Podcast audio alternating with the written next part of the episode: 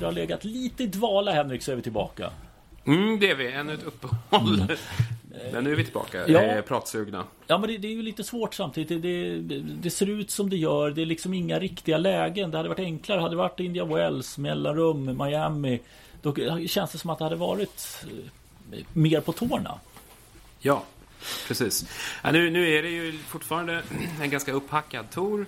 Eh, med eh, mer eller mindre intressanta turneringar. Men nu har vi ändå haft några veckor här där, där eh, eh kompetensen i startfälten har stegrats lite. Ja, eh, men vi, vi, börjar väl i andra änden nästan. För vi tänkte prata Leo Borg och det har väl sagt, sagts en hel del om honom. Han fick ett wildcard till Marbellas Challenger och ett wildcard till kvalet till Marbellas 250 turnering. Om vi börjar i Challenger turneringen då. Jag tittade lite grann på det där. Eh, det, det, var, det var skillnad. Det är fortfarande skillnad. Det tycker jag det har varit i, i, eh, i båda matcherna. Eh, det blir ju förlust mot Taro Daniel där 1-6, 2-6. Eh, det är ju inte, det är inte mycket att snacka om. Det här är ju ett motstånd som är eh, Leo egentligen helt övermäktigt. Vilket inte är så konstigt. Han är en bra junior men han saknar ju rankingpoäng. Han har ju inte vunnit en enda match eh, på seniornivå fortfarande. Nej, och jag tycker att han har ju gått ner och spelat mer juniortävlingar vilket jag tycker att han har gjort bra för han har vunnit en hel del och liksom skaffat sig mer erfarenhet helt enkelt. Ja, det vi ska säga nu är ju faktiskt att han är ju högst eh, rankade svensk som bland juniorerna nu. Mm. Eh, och han är väl topp 20 tror jag åtminstone. Mm. På, eh, på rankingen. Eh, 15 plats är han faktiskt. Han har varit pikat uppe som 12. Så att det är ju ett bra facit. Eh, sen har han ju spelat väldigt mycket också på touren.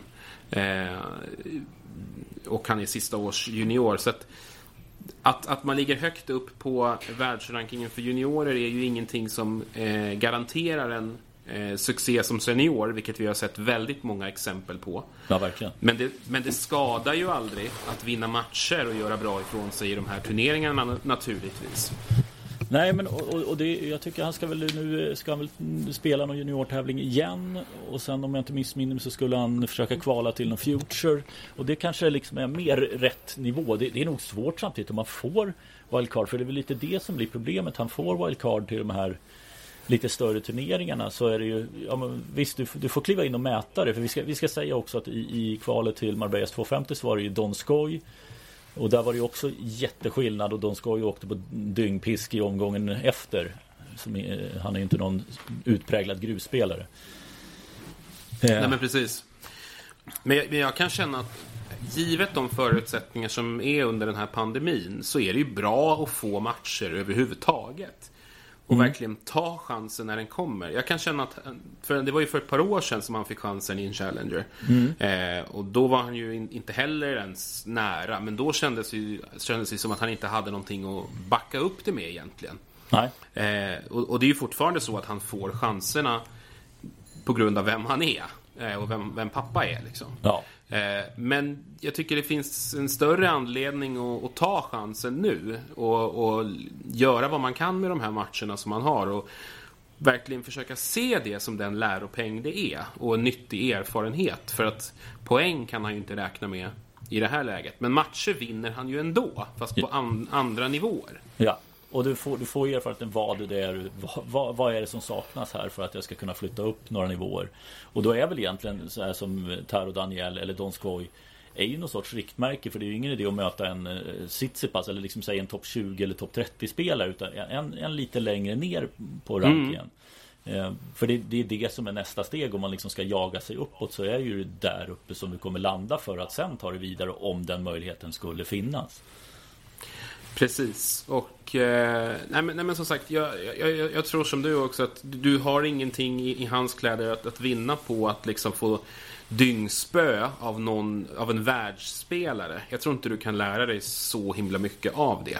Men som sagt, får du matcher på regelbunden basis som du faktiskt vinner, vilket han ju nu får, mm. så, så, är det ju, så skadar det nog inte att, att, testa på den här nivån lite då och då heller. Nej. Eh, så att, eh, I mean, rim, rimligare att han, att han är och försöker på den här nivån nu än, än tidigare. Men återigen så du får stoppa mig om du tycker jag har fel, men jag, jag, tycker fortfarande att man ska ta det lite lugnt med förväntningarna på Leo Borg. Eh, det går väldigt bra att jämföra med bröderna Ymer som hade helt andra resultat att backa upp med i, i, i den här eh, ålders... Eh, ja, men i, när de var i samma ålder som han är nu. Absolut, ja, men det, det, det tycker jag också. Det, han, ska ta, han ska ta tillfället när det kommer, kanske inte för många gånger utan ner, kriga och kvala på Future-touren också för att liksom få, få, gräva ordentligt på den nivån som han är just nu. Där, där är det mer sannolikt att han kommer kunna ta några matchvinster här eh, inom en framtid i alla fall som inte är alltför långt bort. Ja, och det, nej men så att eh, kriga på. Det är väl, eh, kan säkert muttras en del om att han tar plats för någon annan som kanske borde ha, ha chansen mer. Men å andra sidan så nej, men det, det, sånt här pågår alltid och nu backar han det med som du sa också med lite mer resultat. Vi har ju andra som har gödslats med wildcard. Vi har ju brorsa Djokovic, brorsa Tsitsipas mm. som uh, har varit duktiga på den varan så här långt. Ja, det finns ju större potential i Leo än, än det gör hos de killarna naturligtvis. Eh, och det här är förhållandevis små turneringar. Så jag vet inte om jag tycker att han, han tar någon större plats. Det här är Marbella också, ska vi säga.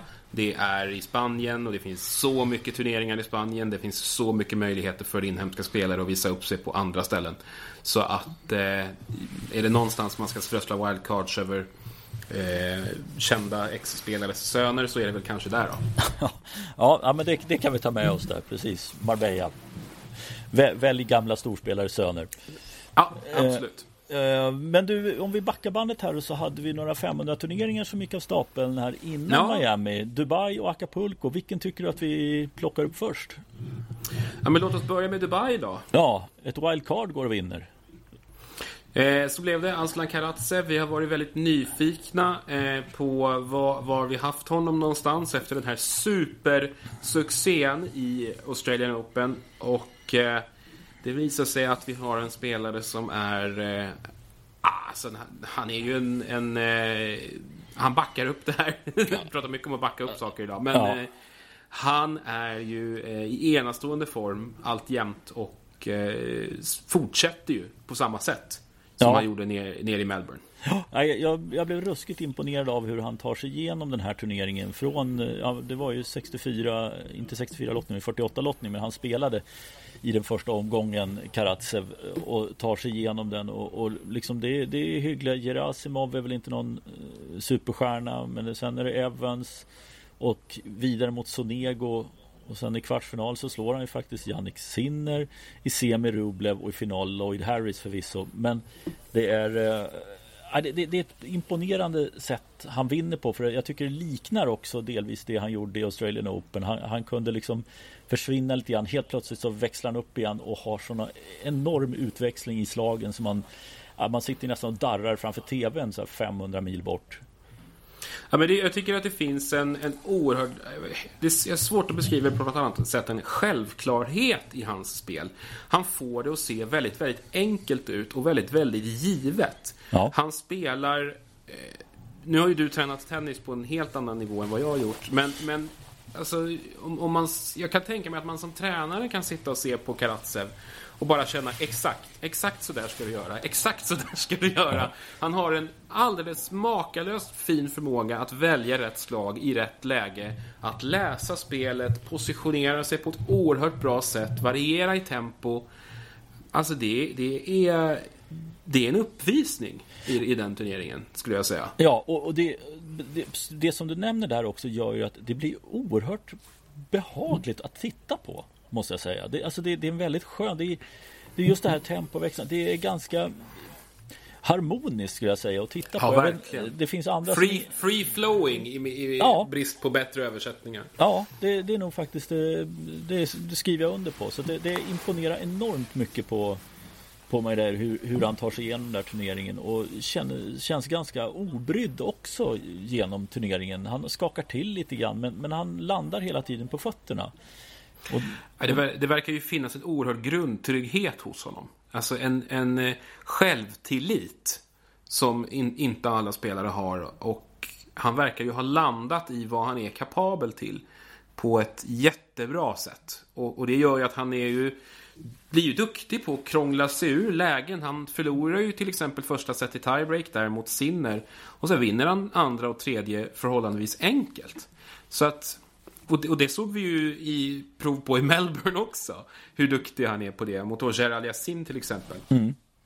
Så att det, nej, men det, det imponerar väldigt mycket. och Kanske vi liksom måste Ja, men, ja, men om, om vi bara sätter punkt där för, och nu har vi hyllat honom för att det, det ska vi göra.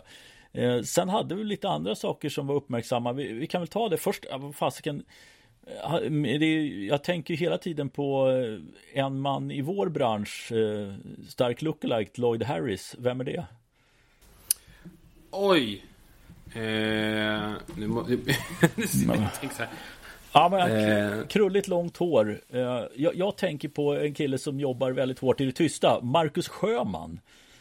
Ja, det är sant. Marcus Sjöman som vi hör på, eh, hört på Eurosport och Sportsground.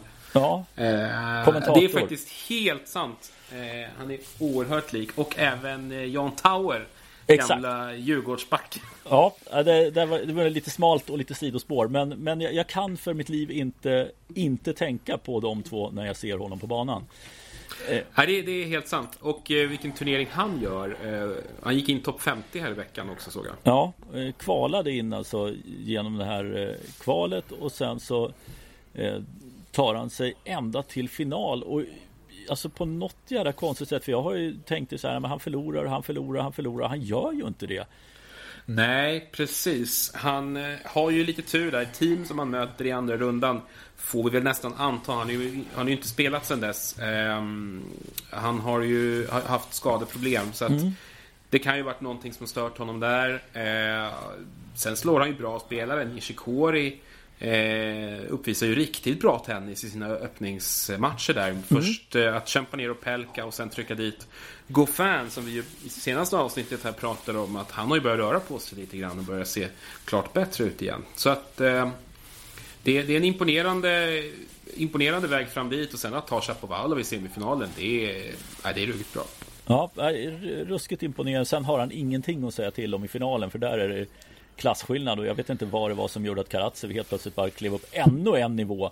Men det kanske var att han hade tempot från Rublev-matchen och sen då ja, spela bort Lloyd Harris totalt i finalen. Ja, tempo är ju det som krävs för att slå i Rublev och kunna matcha hans frenetiska bollande. Så ja. att, eh, ja, det, som du säger, han hade säkert det med sig. Så grattis Aslan Karatsev. Eh, jättefin turneringsseger. Eh, och eh, han fortsätter ju positionera sig själv som en världsspelare. Ja, eh, verkligen. Vi, vi flyttar väl över till Acapulco då. Mm. Och där hade vi ju ingen Rafael Nadal. Han har ju varit i inventarie i den här turneringen. Har ju ett långtidskontrakt med Acapulco. Men eh, mot bakgrund av pandemin så har den här turneringen likt många andra haft en del finansiella eh, bekymmer. Och man hade helt enkelt inte råd att betala Rafael Nadal den här gången. Nej. Eh, så var det och det kan man tycka vad man vill om. Eh, men så funkar det i den stora tennisvärlden. Eh, men ändå ett ganska bra startfält får man väl lov att säga. Verkligen. Verkligen ett underhållande startfält med en väldigt härlig variation av olika spelare. Jag fastnar ju återigen eh, för Lorenzo Musetti som vi ju såg slå igenom på hemmaplan i, Rom här för eh, något år sedan. Ja. Det är en oerhört sevärd spelare med en fantastisk högsta nivå. Mm. Eh, men vad, vad är det du gillar med honom? Nej, men jag, gillar, jag gillar framförallt variationen och jag gillar frenesin i, i hans sätt att spela tennis. Han är ju lite som en blandning skulle jag säga mellan Grigor Dimitrov och Dennis Chapovalov. Eh, så det är väldigt frejdigt och ganska yvigt och det är väldigt mycket shotmaking. Vilket ju gör att han har ju fortfarande inte riktigt liksom etablerat sig topp 100 på någon högre nivå. Men satan vad den killen kan spela tennis när han är i form. Eh, och när det väl stämmer för honom. Han har eh, en väldigt välfylld verktygslåda. Eh, och jag, eh, jag, tycker så mycket om att se honom spela. Det finns ju väldigt mycket bitar som måste falla på plats fortfarande. Men segern mot Dimitrov eh, där i kvartsfinalen Mm. 6-4, 7-6. Den bådar verkligen gott. Ja, den, den imponerar riktigt på mig. Nu ska jag säga också att italiensk tennis är ju verkligen på frammarsch. Jannik Sinner ja. har vi också bland annat. Men det är tio stycken på topp 100 nu. Alltså, ja, är Italien, Italien och Ryssland är ju de anstormande tennisstormakterna som det känns nu. Ja, och det, det, måste ju uppenbarligen vara någonting som de har jobbat med i Italien. Ja, det känns ju inte som... Det är klart att det kan vara slumpen som gör att man får fram, men det känns som att de har haft en plan. Ja, man är ju nyfiken på, på liksom hur det italienska förbundet har jobbat. Eh, menar med tanke på liksom Berrettini, Cecchinato, Mossetti här och Sinner framförallt. Mm. Eh, det dräller ju av både unga och lite äldre spelare som plötsligt hittar helt nya nivåer i spelet. Det är en, en fantastisk tennisgeneration, verkligen. Mm. Eh, men om vi tittar till vad det slutade som, då slutade det med att Alexander Zverev plockade hem den här titeln, slog Tsitsipas i finalen. Tsitsipas fortfarande inte alltid så bekväm i finaler, får jag känslan av. Jag vet inte vad han har för finalfacit just nu faktiskt. Eh, han står ju på... Eh, ska vi se, han står på fem titlar. Ja, då, då tar jag tillbaka ju, lite grann. Vilket ju man får beteckna som... Ja, vad är det? Hyggligt. Du, du är inte helt ute och snurrar. Han har 5-8 i, eh, i finalfacit. Ja, ja men okej. Då, känslan var rätt. Men har man vunnit fem titlar så har man ändå gjort det. Det, det kan jag inte ta, ta ifrån honom. Men jag har fått en känslan av att det har faktiskt hänt några gånger att det liksom inte riktigt stämmer hela vägen.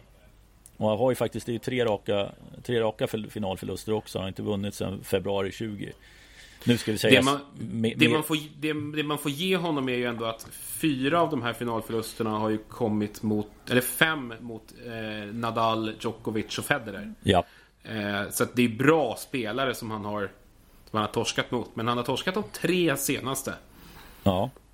Ja, och, det, och det är ju faktiskt så. Det, han vann i slutspelet. Sen bortsett från det så är det faktiskt bara 250 turneringar han har vunnit. Mm. Eh, så det, det, kan man väl notera i det hela. Men eh, Zverev i alla fall, eh, han, han, går och vinner där. Och det, ja, han var väl dessutom ute och svingade lite grann. Eh, faktiskt den gången med, med, med, med någonting på fötterna får man väl lov att säga. Med ranking, eh, med den frysta rankingen.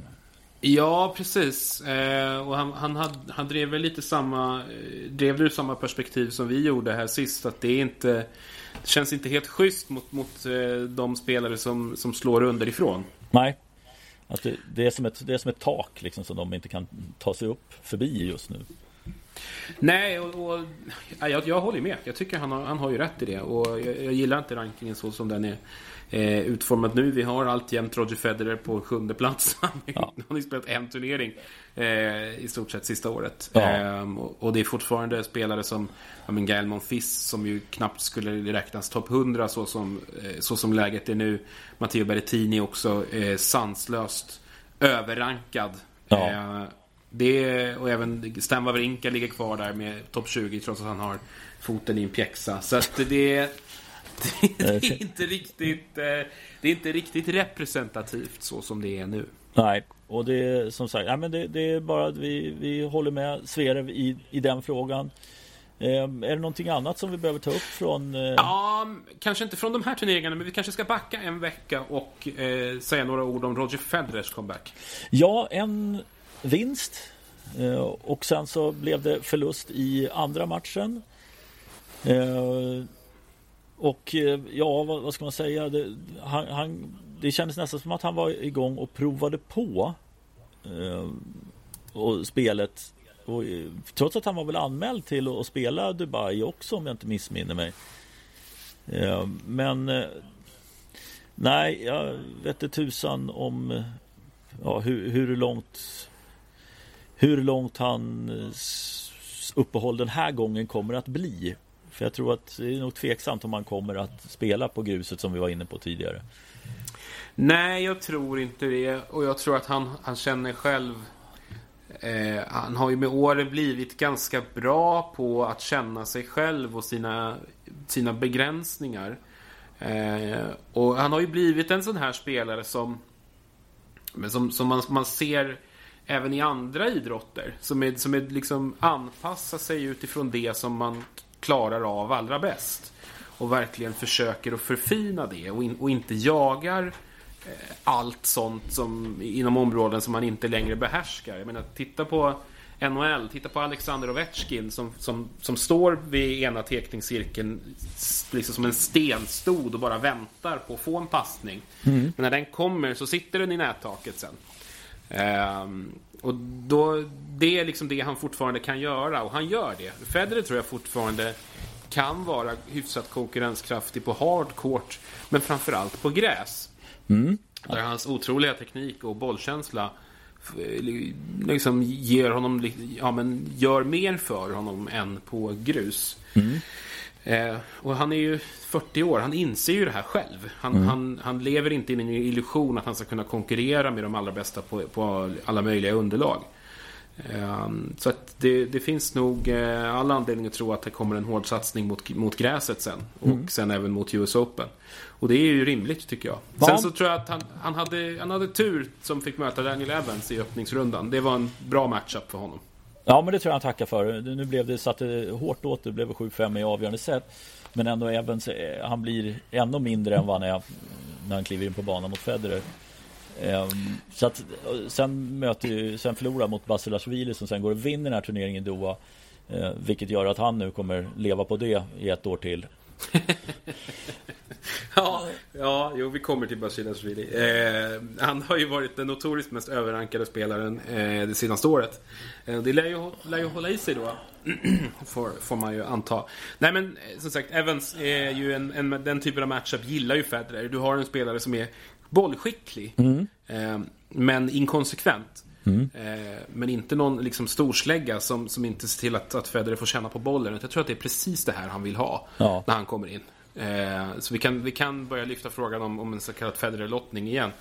Eh, det, det hade inte, han hade inte gillat om han hade fått någon som, som var betydligt bättre på att hålla bollen i spel och, och snålare med poängen eller någon som servar blytungt. Liksom, eller, Riley och Pelka typ. Ja men exakt, då, det, hade inte, det, hade inte, det hade han inte trivts med. Det här var nog alldeles utmärkt. Eh, sen vet jag inte, svårt att dra några växlar av det men han blir ju inte bättre. Nej, så är det ju. Så är det ju faktiskt. Så det, det, det, vi får väl se var, var det landar. Sen faktiskt får inte glömma bort om säger Wimbledon US Open. Jag undrar hur mycket OS har haft en grej med i spelet för honom också att fortsätta satsa eftersom det, han saknar den singel, singelguldet. Mm. Nu tror inte jag att det är realistiskt att han ska vinna det såvida inte de flesta spelare väljer att spela på touren istället för OS. Ehm, men eh, nej, nej, det, det, det, här det känns som att eh, Ja, jag vet, jag vet inte om det här är sista säsongen han spelar. Om nu kroppen börjar säga ifrån. För som du säger, han blir inte bättre. Han kan förvisso vara väldigt sparsam med tävlandet. Men han blir inte bättre och det finns andra som blir bättre. Ja. Så att, eh, ja, vi hoppas att det blir med värdig fortsättning nu i alla fall att han kliver in och det kommer han göra. Han kommer inte kliva in för tidigt utan det här kanske var för att känna sig för. Hade det känts jättebra då hade han kört Dubai veckan därefter. Eh, jag tror han hade fortfarande inte åkt över till Miami. Eh, det var väl klart ganska tidigt för vissa att han inte skulle dit. Men att han gjorde de två och sen vila. Nu blev det en för att uppenbarligen så kändes det, ah, det kanske inte var hundra. Nej, då tar vi och lägger träning istället och rehab. Fortsätta liksom bygga sig själv. Ja, precis. Jag håller med dig. Det, det blir nog efter grussäsongen som vi kommer att få se honom i spel igen. Och det ska bli kul, men eh, man har inga, man har inga överdrivet stora förväntningar just nu. Nej, så är det. Eh, men du vill säga någonting om Basilasvili där? Eller har vi klarat av honom? Nej men jag, jag tänker Basilasvili återkommer ju här nu när vi stegar över mot eh, Miami. Ja, för det är dit vi ska. Eh, första eh, Mastersturneringen för eh, säsongen och det var en ganska rumphuggen historia här får man väl lov att säga. Eh, jag var inne och kommenterade lite grann och första dagen var ju som en 250 turnering kände jag nästan. det, var, nej, det var inte roliga matcher som bjöds på där. Många av dem ska sägas. Eh, vad, vad, vad, var din spontana när du, när du såg det här startfältet? Nej, man blev ju inte rysligt imponerad, så är det ju. Och här om någonstans märker man ju pandemins effekter. Eh, många är ovilliga att, att ta den här resan bara för att åka och spela M-turnering i USA. Mm. Eh, de som inte redan var där, många struntar i det helt enkelt. Eh, och, och lade över fokus på grussäsongen eller spelade hardcourt i Europa eller i, i um, Mellanöstern istället. Och vi pratade ju lite om det eh, här senast också. Att det är... Eh, eh, det kommer med ganska stora kostnader eh, att, att, spela den här typen av turnering. Det är tydligen dyrt att bo i Miami just nu för spelarna. Mm. Eh, och det har också lett till att många har valt att strunta i den. Mm. Eh, så att många av de absolut tyngsta namnen saknades ju här. Rafael Nadal var inte där, Novak Djokovic var inte heller där. Eh, och det gör ju väldigt mycket för att devalvera, eh, ja men, vad ska man säga? Betydelsen av den här turneringen. Det är tusen poäng att spela om, men det är inte så mycket eh, ära. Nej, men och stjärnglansen försvinner mycket. Där ser man ju hur mycket de här betyder också. Eh, när de inte dyker upp, inte någon av dem. Hade en av dem dykt upp hade det känts okej, okay, men när ingen av dem dyker upp då liksom eh, stjärnglansen falnar och, och, där, är ju, där har de ett litet problem även om de försöker bygga de här nya eh, killarna eh, så gott det går. Men det går inte att komma ifrån att lyskraften hos Federer förstås, men Nadal och Djokovic är så enormt mycket starkare än alla andra. Nej, och det spelar ju ingen roll vilken turnering, turnering det gäller. Även en, en Grand Slam utan Federer, Djokovic och Nadal blir ju svårare att sälja in. Så ja. är det ju. Ja. Och, och, det här är väl kanske lite en försmak av den eh, verklighet som ju kryper allt närmre. En verklighet utan den här superdominanta trion. Mm. Eh, och det, men, men om, vi, om, vi, återkommer till det sen då. Men om vi, om vi tar oss eh, den här turneringen då, så tycker jag du, du är på där med Basilashvili. För han åker på stryk i sin första match är det väl eh, i turneringen och då förlorar han mot Micke Ymer. Ja. Eh, man, man känner Micke Ymer som kommer från en väldigt, väldigt eh, enkel seger mot chilenska kvalspelaren Alejandro Tabilo. Mm. Som han slår i med 6-3, 6-1. Eh, han kämpar ner Basilashvili i 2-1 i, i set. Eh, och det, jag vet inte, jag, det kändes som att han skulle ha en hygglig möjlighet att göra det. Här kommer han eh, mätt ifrån en jättefin eh, turnering nere i, i Dubai. Nej, Doha. Doha, förlåt. Eh, och eh, kanske inte är eh, supersugen på att, att liksom maxa. Och möter en Micke Ymer som är hyfsat bollsnål liksom. Mm. Eh, det var en bra seger. En av de bättre som Micke har, har tagit eh, karriärmässigt. Om man, om man tittar på, liksom, på rankingen på den spelare han slår. Det är inte så många som är högre rankade än Basilashvili som han har kämpat ner. Nej, så är det. Och, och då tänkte man så här att ja, men i tredje rundan där tar det ju stopp ändå för där kommer man möta Alexander Zverev. Eh, men eh, så blev det ju inte. Nej, för Zverev vinner enkelt första set mot finländaren Emil Ruusuvuori. Eh, men förlorar sen 3-6, 1-6 mot finländaren ja. i de två följande. Ja, ruskigt imponerad av Ruusuvuori som har tagit steg för steg uppåt. Och nu då fick de mötas, Ymer och Rosovori, som inte hade mötts faktiskt. Det skiljer bara ett Nej. år mellan dem. Men mm. jag hittade inget tidigare möte de två emellan.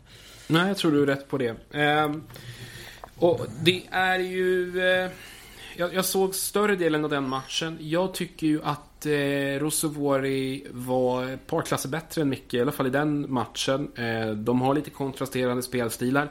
Emil gör mycket mer med bollen än vad Micke gör. Eh, och då blev det liksom att de här eh, egenskaperna framträdde betyd- ännu mer tydligt i den här matchen. Det var väldigt mycket Rosovori som styrde och ställde. Hans serve klickade lite i periodvis. Eh, så även Mikaels, och det gör den ju med jämna mellanrum. Men när han fick ihop sitt spel så tycker jag att han var eh, ganska klart bättre än vad Ymer var. Så att jag tycker att Micke ska vara nöjd med att han fick ett set där. Ja, eh, det är den första att skriva under på. Det, det var Ja, men det, det var, det, det, är en bra resa av uh, Micke Ymer men en ännu bättre av Rosovori. Välförtjänt av uh, finländaren som tog sig till en, fjär, till en fjärde runda och sen förlorade mot Sinner. Uh, Kul med skandinaviska matcher ändå. Ja men det är ju det. Ändå, ändå fått lite, nu har vi ändå lite folk från, från Skandinavien som ja, men som, som gör, gör sig, gör, gör, har gjort sig ett namn på den här touren. Vi har ändå liksom eh, Rud som ju är den som har gått allra bäst hittills. Du har Roseborg här nu som har slagit igenom sista tiden och, och Micke som ju är etablerad på ATP-touren och sen även Mikael Torpegård, eh, dansken som, som kommer starkt där och, och Holger ja, Rune Holger som Rune. är supertalangen som ju kanske kommer bli bäst av alla i det här gänget. Mm. Nej, det, det, ska bli intressant att följa det här de närmsta åren får man lov att säga. Mm. Eh, men du, det här var ju då, vi pratades inför lite grann också att det här är ju Medvedevs turnering att vinna. Eh, men det blev det ju inte. Och jag kan säga att jag gjorde hans match mot Popurin. Och den, där imponerar han inte alls. Det var regnavbrott förvisso, men matchen tog väl tre timmar. Eh, han tar sig igenom det, men där såg han, ja, det såg inte så jäkla bra ut. Nej, och frågan är ju... Jag vet inte vad du säger, men, men är, är det liksom en, en motivationsfråga för hans del? Ja, att, att han behöver ha något att jaga istället för att vara jagad. Ja. Eh, det, det, det, finns väl möjligtvis en sån aspekt. Det kan bli intressant att, att, ha den i bakhuvudet när vi går framåt här och andra turneringar där då Djokovic och Nadal inte är med. Eh, för att han är ju i mitt tycke den bästa spelaren i den här turneringen. Eh, men nu, nu räcker det bara till kvartsfinal där han åker ut mot Bautista Agut som har blandat och gett en hel del den här säsongen och det är ganska tydliga siffror 6-4, 6-2. Mm. Så att ja, någonting sånt är det eller att han inte ja, ja men ja hade orken just nu. Precis, han kanske har, har eh, lång, lång, mer långtgående mål satta som, som eh, eh, gäller för honom. Jag vet inte, men eh, det, det är inte så att han har... Det har inte blixtrat om honom riktigt sådär efter Australian Open. Han föll ju direkt i Rotterdam där mot, mot eh, Dusan Lajovic. Sen mm. vann han ju visserligen i Marseille, men en, en 250-turnering där Sinner var den bästa spelaren som han behövde ta sig igenom. Han hade ju liksom Matthew Ebden i, i semifinal där och Herbert i, i final och sen ja, men habil, halvdan insats här i Miami. Så att... Eh, nej, det, det kanske är lite så bristen på riktig konkurrens som får honom att, att svalna lite. Ja. Eh, ja, men som sagt, det, vi, får, vi får återkomma till, till det. Men på den övre halvan där får vi ta Jannik Sinner som går fram till final. Och det, ja, han tar ju steg den här killen och eh, gör det bra. Vänder ett tufft underläge mot Katjanov eh, i tredje rundan. Men sen så tar han sig faktiskt vidare via två raka mot både Rosovori och Alexander Bublik som alltid bjuder på underhållning. Ja, det var en kul match mellan, mellan eh, Sinner och Bublik. Jag kan känna att mitt topp 10-tips där på Jannik Sinner som jag hade inför säsongen, det börjar mm. kännas ganska... Jag börjar känna mig ganska bekväm med det. Ja, jag förstår det. Jag förstår det. det ja, det, det, det, är en bra bit kvar på säsongen. Men så som man har inlett det här så känns det ju verkligen som att ja, men han, har, han har liksom fått det här året 2020 och nu är det så att nu, nu pinnar han på uppåt och det är, ja, men jag tycker att det är, ska du vara stolt över det tipset. Ja, jag, jag är nöjd. Jag tycker Sinner ska vara stolt över sin utvecklingskurva.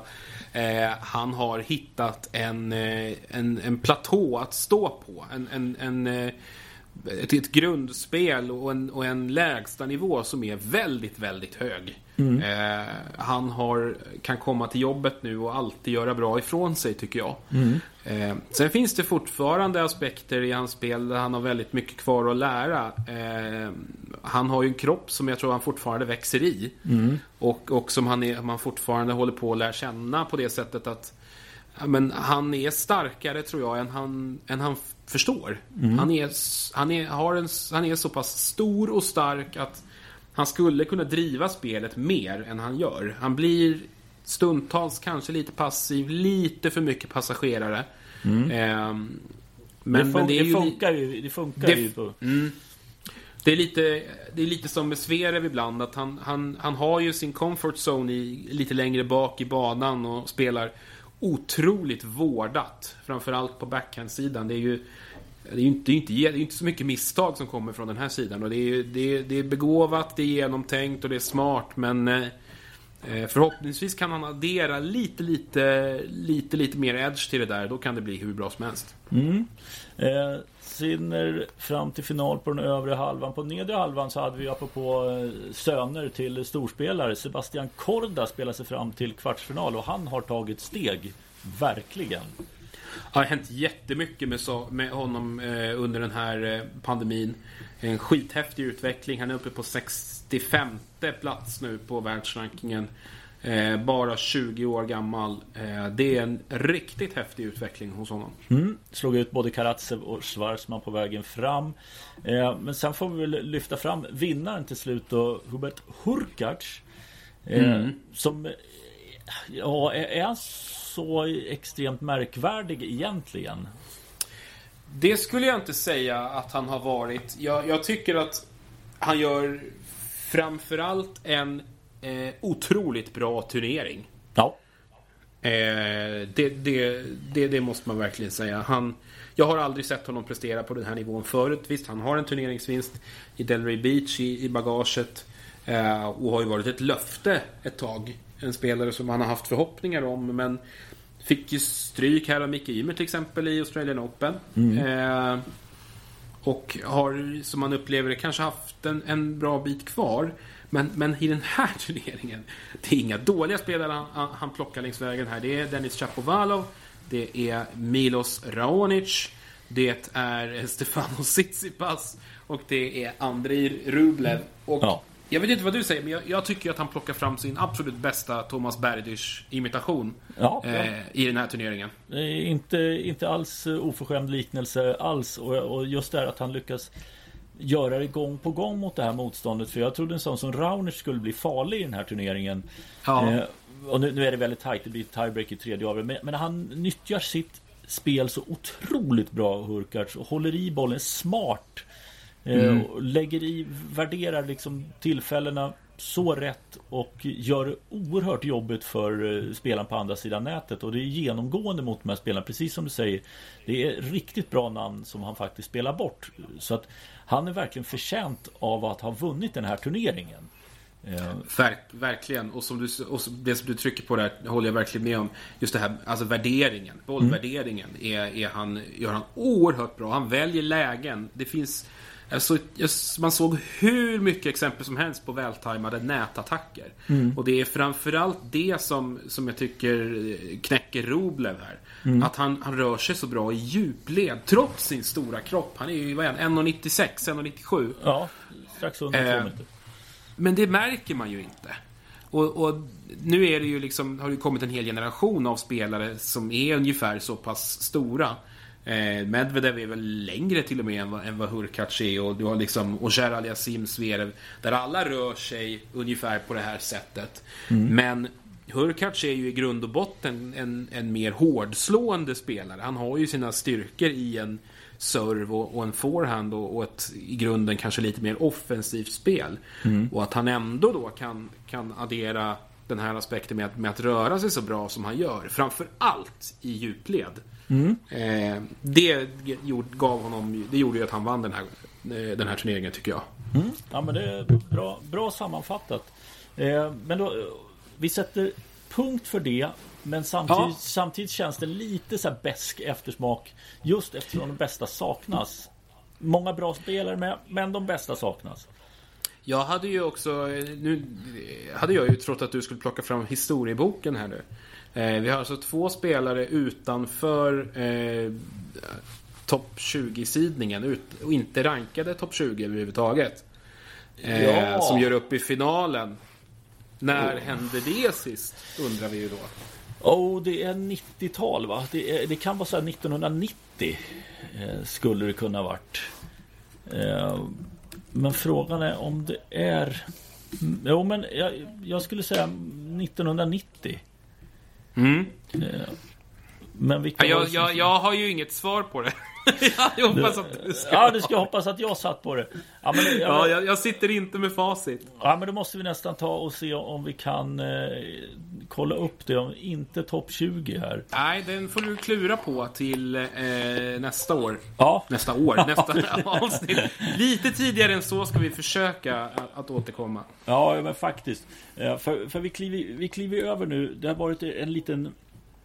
Ja, just det här svår... svår eh, Svår säsong. Nu kommer vi upp Mm. på gruset. Vi tittar lite grann på startfältet. Nu ser det bättre ut. Monte Carlo börjar nästa vecka. Eh, Anmälningslistorna ser bra ut. Det är Dominic Thiem som saknas, men det är på grund av skada. Federer räknar vi inte heller med i någon av de där. Och eh, ja, är, det nu vi ska hoppas att tennissäsongen sätter igång? Ja, jag tror det. Eh, det känns i alla fall som att jag när i alla fall den förhoppningen att eh, eh, nu när, när, när, vi, när vi är på gruset så ska det bli allvar på riktigt. Ja, ja men vi, vi hoppas ju verkligen det. Eh, nu kom ju lite funderingar från Frankrike där att det kanske inte ens, eh, ja till och med att det kunde svaja om de skulle få spela. Det tror jag att de kommer göra. Eh, men att det kommer bli utan publik verkar ju som att det blir mer och mer sannolikt. Det är väl någonting som vi har fått vänja oss vid. Så att eh, hellre spel eh, än, än inte spel. Oavsett om det är med publik eller utan. Ja, precis. För att det, det spekuleras ju också att det, flytta turneringen i år kommer inte att gå för att det är så oerhört tajt i schemat så att det, det finns liksom ingen möjlighet att göra en sån här fuling som de gjorde i fjol. Ja, vi får se. Ja, vi får se. Men, eh, men gruset har- har vi höga och stora förhoppningar på. Eh, Vi låter, Absolut. vi låter väl det rulla de här, den här veckan och Monte Carlo där så ska vi se om vi inte kan eh, titta, till, titta tillbaka in i etern och eh, prata lite grustennis. Det hoppas vi. Så vi hörs igen om några veckor. Tack! Hej!